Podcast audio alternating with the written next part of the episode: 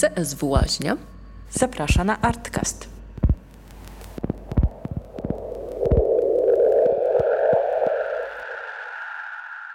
Korzystając z wysokich temperatur, postanowiłyśmy odnieść się trochę do wakacyjnego tematu i zaprosić przedstawicieli Fundacji Palma. Witamy dzisiaj. Żeby było egzotycznie. Dokładnie. Witamy dzisiaj e, Natalię Koralewską i Jakuba Knerę. Dzień dobry. Dzień dobry. Dzień dobry. E, może zaczniemy na początku właśnie od krótkich e, biogramów naszych gości. E, tak, Natalia Koralewska, współzałożycielka Fundacji Palma, e, w ramach której realizuje projekty społeczno-kulturalne związane z budowaniem lokalnej tożsamości.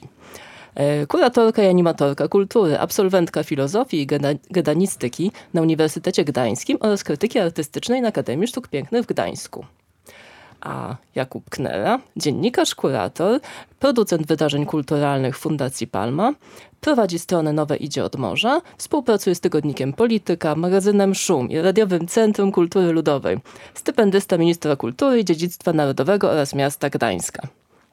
Tak jest, to my. Wszystko się zgadza. Wszystko się zgadza. Tak. tak, i y, no, zaprosiłyśmy was, ponieważ y, no, chciałybyśmy dowiedzieć się więcej o waszych działaniach związanych z Fundacją Palmą. Czy możecie nam powiedzieć więcej? Czym jest Palma? Na czym koncentruje swoje działania? Yy, mamy takie powiedzenie w fundacji, że szukamy egzotyki za rogiem ulicy. I to jest trochę nasz y, statement fundacyjny, ponieważ y, interesujemy się tym, co bliskie, ale jednocześnie egzotyczne. Mocno skupiamy się na działaniach historycznych, na historii Wrzeszcza. E, popularyzujemy wiedzę o historii, budujemy tożsamość lokalną, organizujemy wydarzenia kulturalne, łącząc przy tym z jednej strony artystów, z drugiej strony też często NGOsy i z trzeciej strony angażując do działania y, podmioty prywatne, przedsiębiorców i sklejamy to wszystko w, w jedną całość i organizujemy wydarzenia takie jak y, koncerty, Nowe Idź od Morza idzie do Wrzeszcza, Noc Wrzeszcza, y, Święto Wielkiej Alei, ale także mamy trzy marki jako fundacja. To Instytut Langfur, Zatoka i Gdańska Szkoła Szyldu.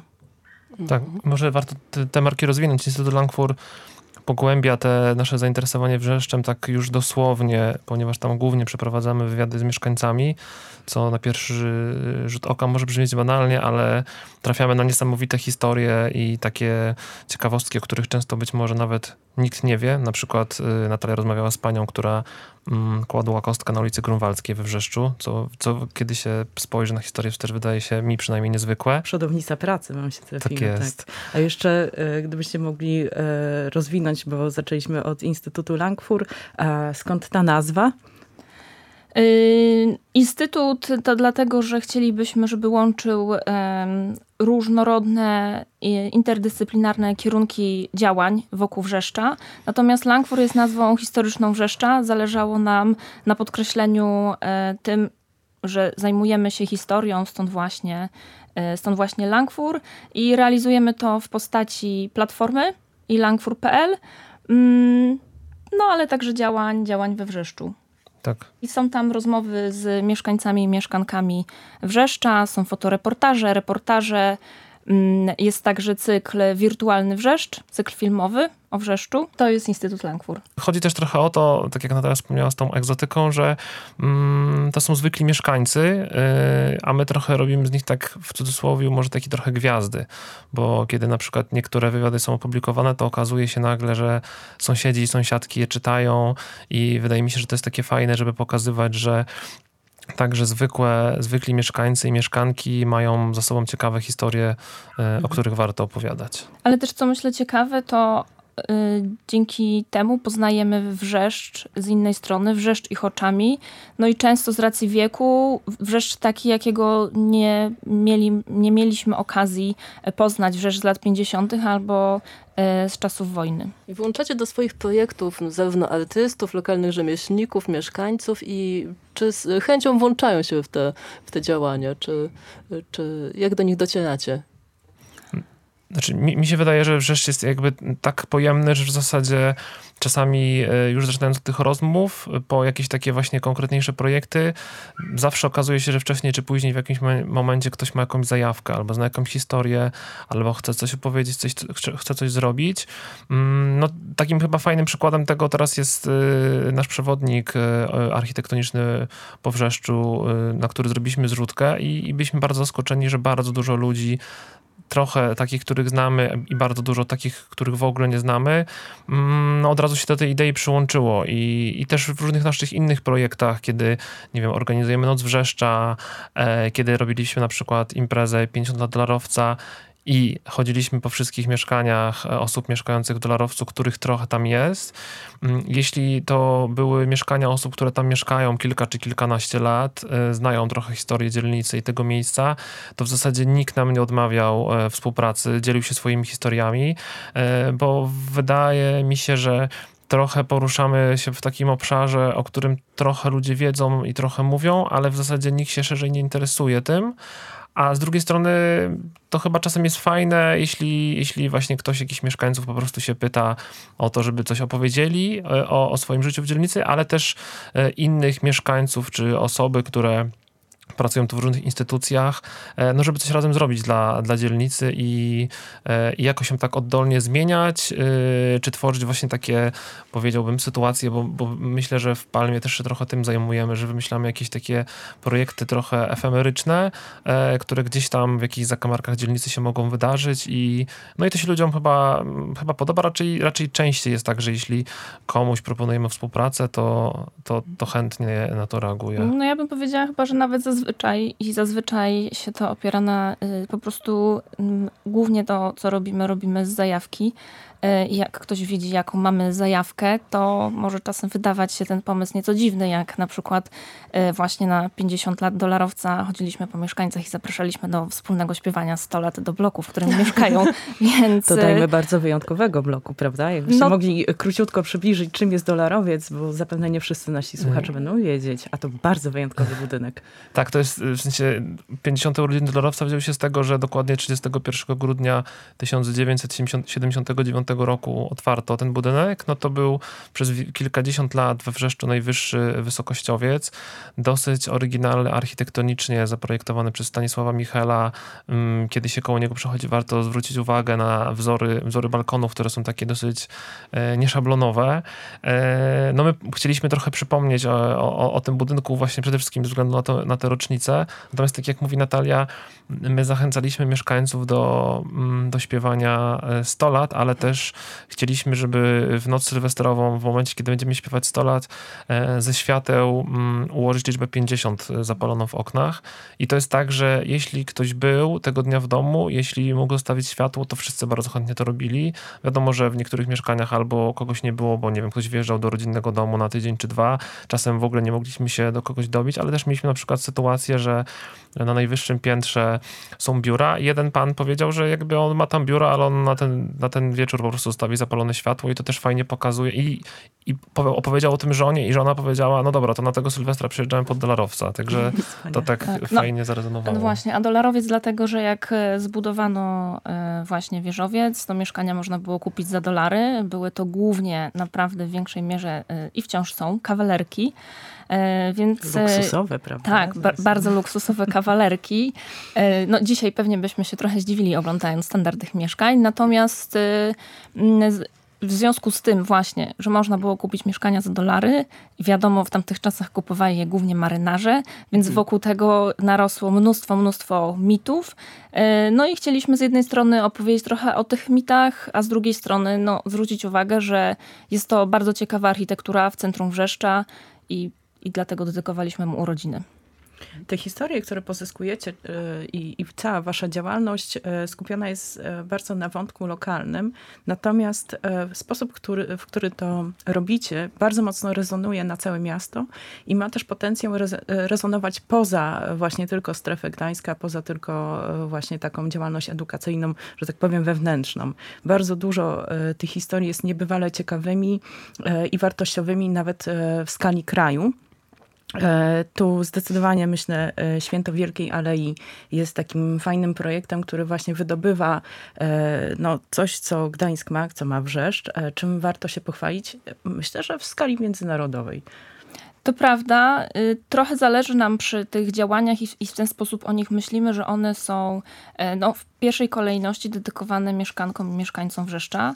Natomiast zależy nam na tym, żeby one miały nie tylko wymiar lokalny gdański, ale także może ogólnopolski, żeby zwracać uwagę na to, co mamy ciekawego na miejscu, a nie poszukiwać tego, co jest nie wiem, za granicą, albo za granicą miasta, albo za granicą y, narodową. Y, I opowiadać to w taki sposób, y, żeby zainteresować, no właśnie, może przyjezdnych, Y, z, z, innego, z innego miasta czy z innej części Polski, y, żeby poznać ten kwartał, a może dzięki temu dostrzec jakiś ciekawy kwartał albo Fyrtel w Poznaniu y, u siebie. No właśnie, taki jest trochę nasz cel. Natomiast jeżeli chodzi o, o Święto Wielkiej Alei, to faktycznie to jest bardzo ciekawa przestrzeń, trochę zapomniana, y, bo jest w zasadzie tranzytem pomiędzy Wrzeszczem a Bramą Oliwską.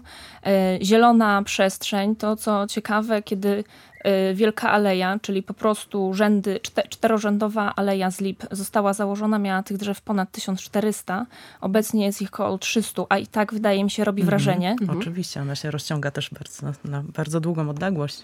Tak, tak, więc y, no a głównie no, jest teraz po prostu przejazdem dla samochodów y, i, i przejazdem też torowym. Natomiast zależało nam, też, żeby podkreślić, że, że jest to ciekawa zielona przestrzeń, że warto na nią zwrócić uwagę, bo wydaje mi się, że kiedy dotykamy takich wątków, y, może trochę niszowych albo zapomnianych, i edukujemy, to staramy się sprawić, żeby to miejsce stało się ważne dla mieszkańców. A jak będzie ważne dla mieszkańców, to wtedy będziemy chcieli się wszyscy o to troszczyć. A jak będziemy chcieli się o to troszczyć, to nie popadnie to w zapomnienie i będzie rewitalizowane, odnawiane i będzie z nami na lata. To jest piękne założenie, wspaniała misja. tak, tak. Jeszcze też e, jednym z takich e, działań e, w przestrzeni publicznej, które realizujecie jest Noc, Noc Wrzeszcza. Może też powiedzcie trochę więcej o tym, na czym polega, kiedy się odbywa i jakie wydarzenia się na to składają. Mm, Noc Wrzeszcza w zasadzie nawet już nie pamiętam jak jak, jak powstała, może trochę zainspirowana Nocą Muzeów, mhm. bo pierwsze dwie czy trzy edycje odbywały się w Noc Muzeów. No i pomyśleliśmy sobie, skoro jest Noc Muzeów, to zróbmy e, Noc Wrzeszcza, żeby, żeby uczcić dzielnicę i opowiedzieć o niej e, z różnych perspektyw. E, pierwsza edycja no była chyba tak, takim wstępem w ogóle do dzielnicy i trochę za inspirację sobie wzięła rzekę Strzyża, dzięki której Wrzesz się mocno rozwinął. Druga edycja skupiła się na architekturze. E, punktem wyjścia do trzeciej był, mm, była powieść Blaszany Bębenek Gintera Grasa, mhm. którą, co się najbardziej objawiło przez koncerty, piątki perkusistów i perkusistek w różnych miejscach w Wrzeszczach. Chcieliśmy tak, jak w powieści, trochę zabębnić e, w dzielnicy. I ciekawe jest przez pryzmat, przez pryzmat tej rozmowy rozmowy przed chwilą o, o Wielkiej Alei. Ciekawa jest edycja czwarta, ubiegłoroczna, e, no, którą dosyć długo przesuwaliśmy ze względu na pandemię i finalnie ją zrealizowaliśmy na przełomie listopada i mm, grudnia. E, mieliśmy pomysł od dawna, żeby ją dedykować parkowi Jaśkowej Doliny, która naszym zdaniem, który naszym zdaniem jest bardzo ciekawą przestrzenią. Jest bardzo dużo historii z nim związanych, archiwalnych zdjęć, wspomnień. No i finalnie ze względu na pandemię stworzyliśmy e, takie sześciodcinkowe słuchowisko, gdzie właśnie te wszystkie materiały zebraliśmy w takiej muzyczno-dźwiękowo-słuchowiskowej formie, I co też pokazało nam jakiś taki potencjał, że osoby, które nie są z Gdańska, nie są z Wrzeszcza, mogą sobie gdzieś tego posłuchać i może jak kiedyś przyjadą, to chociaż na godzinny spacer e, się, się tu wybiorą. A tegoroczna edycja, mm, i to też mówię w kontekście tych terminów, które są takie dosyć płynne, no bo w tym roku wiadomo, że też przez pandemię z jednej strony nie do końca było wiadomo, co będzie można zrobić na wiosnę, a co nie, ale trochę w tym roku termin y, nam narzucił czy podrzucił temat, bo pomyśleliśmy sobie, żeby trochę ten wątek Wielkiej Alei kontynuować, ale od tej powiedziałbym. Mm, nocnej strony, może trochę takiej tajemniczej, ponieważ e, no, przed wojną, kiedy Gdańsk nie był jeszcze e, tak duży, wzdłuż Wielkiej Alei było bardzo dużo cmentarzy, które później zamieniły się w parki, ale, ale teraz historia cały czas jakoś tam odnosi się do tego chociażby poprzez różne tablice, które się tam znajdują. E, i pomyśleliśmy, żeby, żeby pójść właśnie tym tropem cmentarzy i też tak jak Natalia mówiła, trochę odkryć tę historię wielu osobom pewnie nieznaną, no bo przy głównej ulicy miasta są cmentarze. E, no i w związku z tym, że cmentarze, to pomyśleliśmy, że takim idealnym, e, idealnym dniem no to będzie dzień e, przed wszystkimi świętymi, więc mhm. w tym roku Noc Wrzeszcza się odbędzie 30 albo 31 października. Wspomnieliście e, tutaj o tym e, poprzednim roku, o, tym, e, o tych zmaganiach właśnie z pandemią. Może opowiedzcie więcej, jak udało wam się przetrwać? To znaczy, jak zaczęła się pandemia, to faktycznie no w lutym, w grudniu 2019 otworzyliśmy Gdańską Szkołę Szyldu. Byliśmy w takim dużym rozpędzie działań, mieliśmy naprawdę dość dużo planów i moment, w którym okazało się, że nic się nie odbędzie z tego, co zaplanowaliśmy, był trudny. E, I myślę, że tak w marcu i w kwietniu mieliśmy takie, mm, przede wszystkim w marcu, takie totalne zamrożenie, ale też duży odpoczynek i przewietrzenie głowy i chwilę na poważną refleksję, nie tylko nad naszymi działaniami, ale nad działaniami, w jaki sposób organizować wydarzenia, e, w jaki sposób wykorzystać potencjał internetu. No właśnie, i w jaki sposób być w relacji wciąż y, z, z uczestnikami. Mm, I przyznam szczerze, że dla mnie w, zdam sobie sprawę, że dla mnie najważniejsze jest, e, żeby poszukiwać rozwiązań, wykorzystywać e, kreatywne rozwiązania e, i wciąż działać, no bo świat się nie kończy, idziemy dalej. Mamy różnorodne mm, narzędzia, jakby, które pozwalają nam na rozwijanie naszych działań. I pierwszym, pierwszym naszym takim spotkaniem które zrobiliśmy jeszcze jak trwała pandemia, było wokół książki po niemieckie. E, Karolina Kuszyk jest w zasadzie z Wrocławia i głównie pisze tam o Wrocławiu, natomiast też się pojawiają wątki gdańskie. I zrobiliśmy spotkanie online i w tym spotkaniu wzięło bardzo, bardzo dużo osób udział. Spotkanie trwało chyba ponad dwie godziny, bo mieliśmy po prostu niesamowite flow rozmawiania o poniemieckich e, przedmiotach i, i miastach i obiektach.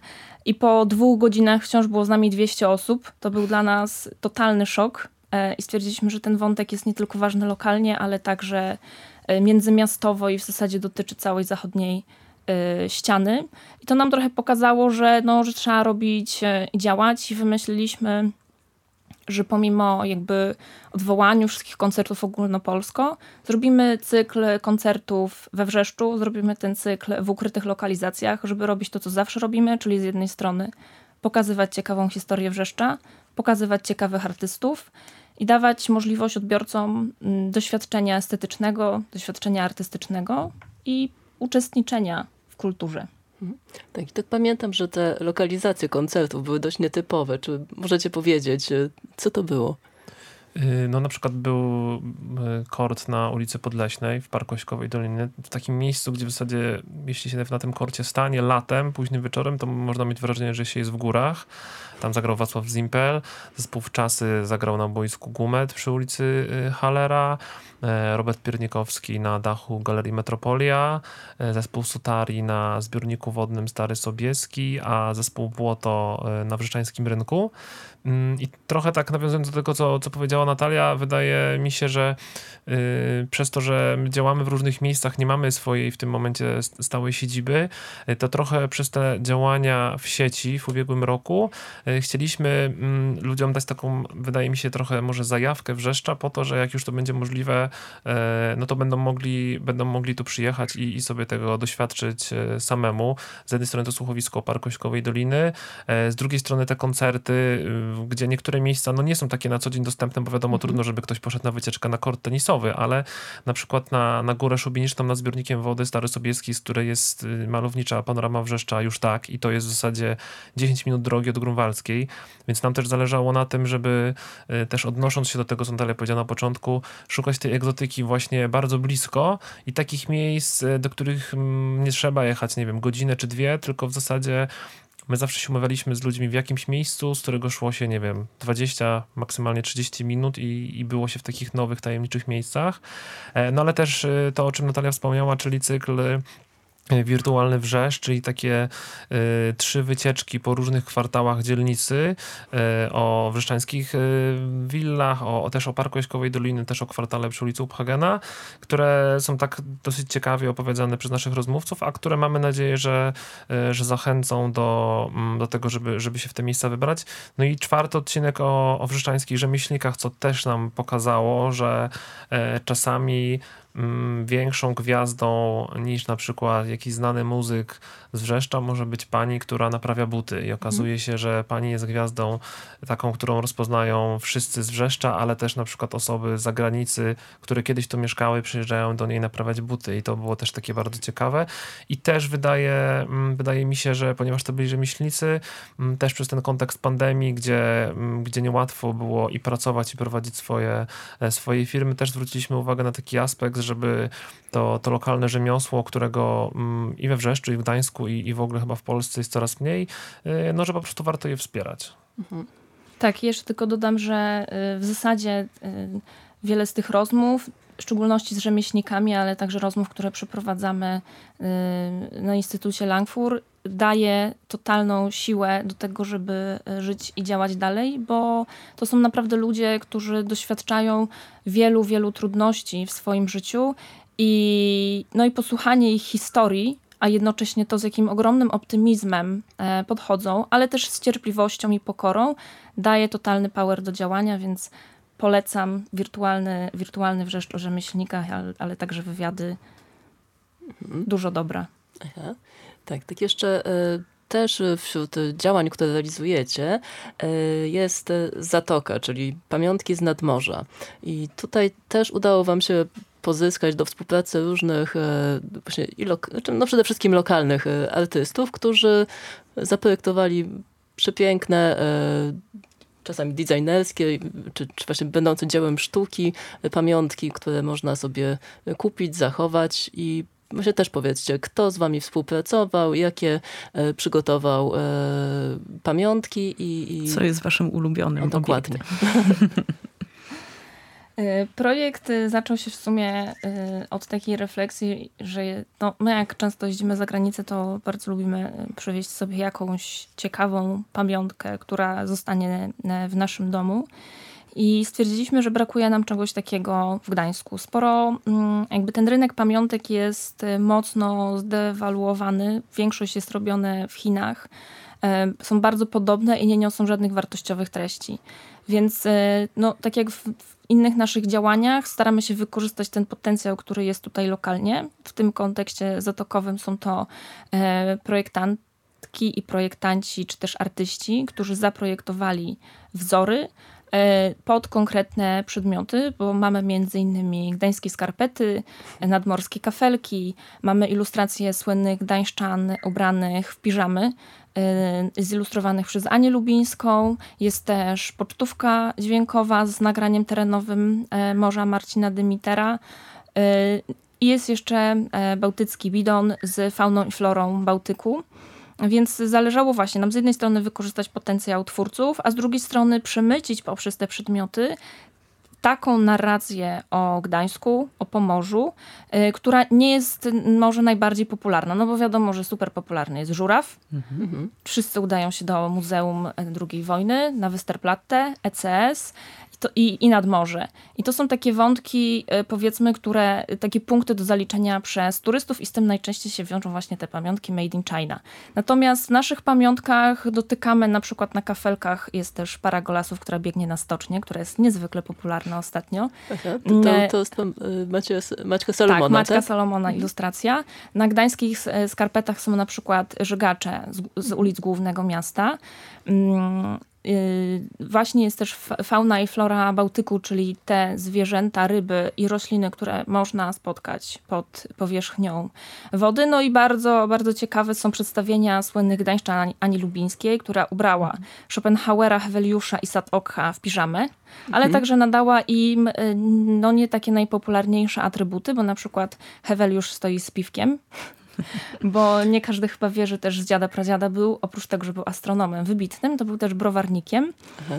A Schopenhauer jest oczywiście w czarnym golfie, ale w towarzystwie pudli, ponieważ trochę ich miał. Warto nas śledzić po to, żeby e, szukać nowych inspiracji, pomysłów na to, co można robić nad morzem, bo my tak chcemy tych, może nie tych turystów z centrum odciążyć i zaprosić do Wrzeszcza, ale pokazać, że tu jest bardzo dużo ciekawych miejsc. Na pewno zapraszamy na naszą stronę fpalma.pl mm, już niedługo, żeby zaopatrzyć się w przewodnik architektoniczny po Wrzeszczu, mm, ponieważ właśnie, właśnie w tym roku go wydajemy. E, jesienią zapraszamy na Noc Wrzeszcza, to już wspomnieliśmy, ale też zapraszamy na takie nasze drugie wydarzenie w tym roku, w ramach którego wychodzimy poza dzielnicę, czyli 60 e, e, Wydarzenie nazywa się Spotkajmy się pod lotem 60 lat budynku. I to jest taka w pewnym stopniu kontynuacja tego, co robiliśmy na urodzinach dolarowca, bo Lot jest również bardzo ciekawym, modernistycznym obiektem e, w Gdańsku. Jest trochę zaniedbany, a jest też takim budynkiem, który chyba w świadomości gdańszczan no jest bardzo istotny, bo nim, e, nim powstało forum, pomimo tego, że tam jest przystanek Brama, Brama Wyżynna, to w zasadzie mm, chyba trudno spotkać kogoś, kto, kto nie powiedział, no to umówmy się pod lotem, więc, więc też chcemy trochę o historii tego obiektu opowiedzieć. A jednocześnie nie wiemy, czy nie grozi mu zburzenie, tak, prawda? To jest tak, też dokładnie. taki wątek, który mhm. cały czas powraca, że to jest piękny, modernistyczny budynek, który co, co chwilę jest nowy pomysł, żeby go prawda, zburzyć i, i coś nowego postawić. Albo nowego starego. No właśnie, bardziej starego. Tak, oddzielną rozmowę. Tak, także to są te, te rzeczy. No na pewno warto śledzić naszą stronę ilangfur.pl, żeby, żeby czytać wywiady. No i... No i Kuba, no muszę za ciebie powiedzieć, no ale przede wszystkim zapraszamy na koncerty. Tak, które odbędą się e, pod koniec sierpnia. Powracamy z cyklem Nowy Idź od Morza do Wrzeszcza i przed nami jeszcze koncert koncert niezwykły, y, który, który trochę, można powiedzieć, sobie wymyśliliśmy w czasie pandemii i on się później ziścił, ponieważ w 2020 roku zmarł y, Florian Schneider, założyciel zespołu Kraftwerk i mi jakoś tak mimowolnie zespół Kraftwerk skojarzył się z perkusistą Hubertem Zemlerem i dosłownie dwa tygodnie później Hubert zaprosił Gabę Kulkę i w ramach takiego cyklu Domówka z dwójką zagrali razem utwory Kraftwerk. Więc kiedy to się wydarzyło, pomyśleliśmy, że za rok, czyli w 2021 roku, oni muszą to zagrać we Wrzeszczu. No i ostatni koncert 31 y, sierpnia to będzie właśnie um, utwory Kraftwerk zagrane przez Huberta Zemlera, Gabę Kulkę i e, Wojtka Traczyka. Zapraszamy, um, lokalizacji nie zdradzamy. Jeśli ktoś chce się mhm. dowiedzieć, to zapraszamy na naszą stronę dowrzeszcza.pl. Ale myślę też, że mogę... Um, zdradzić albo tak zapowiedzieć, bo e, w czasie wakacji zorganizowaliśmy serię e, spacerów e, po różnych kwartałach Wrzeszcza i byliśmy zszokowani, że w zasadzie ekspresowo wszystkie miejsca się skończyły. Szykujemy w pierwszym tygodniu, w drugim tygodniu września weekend architektury Wrzeszcza, który będzie połączony z promocją przewodnika architektonicznego po Wrzeszczu, ale myślimy też o tym, żeby, żeby w przyszłym roku wróci do tej idei spacerów. Z jednej strony dla mieszkańców, którzy, którzy znają bardzo dobrze dzielnicę, bo na tych spacerach często było tak, że one odbywały się w jakichś kwartałach i na nie przychodziły osoby, które w tych miejscach mieszkały i czasem na przykład sąsiadki e, się przelicza, przeliczały, kto, kto dłużej mieszka i kto co zna. Czasem przychodzili mieszkańcy z innych dzielnic, e, ale też widzimy taki potencjał, żeby robić takie spacery zarówno dla osób przyjezdnych, ale też e, może dla turystów, a nawet nie tyle dla turystów, co też dla osób nie mówiących po polsku, ale mieszkających czy pracujących w Gdańsku, mm, no bo one też bardzo często niekoniecznie muszą spędzać całe dnie na głównym mieście, chcą poznawać pozostałe dzielnice, a mm, więc wydaje mi się, że, że taka oferta dla nich, dla nich też może być ciekawa, więc to, to z takich planów na, na przyszły rok. Trochę, trochę tego jest, więc jeżeli ktoś e, się pogubił, bo planów mamy dużo, to www.fpalma.pl znajdziecie także nas w mediach e, społecznościowych, Instagram i Facebook. E, gdzie jesteśmy z Wami na bieżąco. E, więc dla tych wszystkich, którzy e, poszukują ciekawych wydarzeń, chcą poznać dzielnicę, chcą spędzić w ciekawy sposób czas i poszukać z nami egzotyki za rogiem ulicy, to zapraszamy serdecznie Fundacja Palma.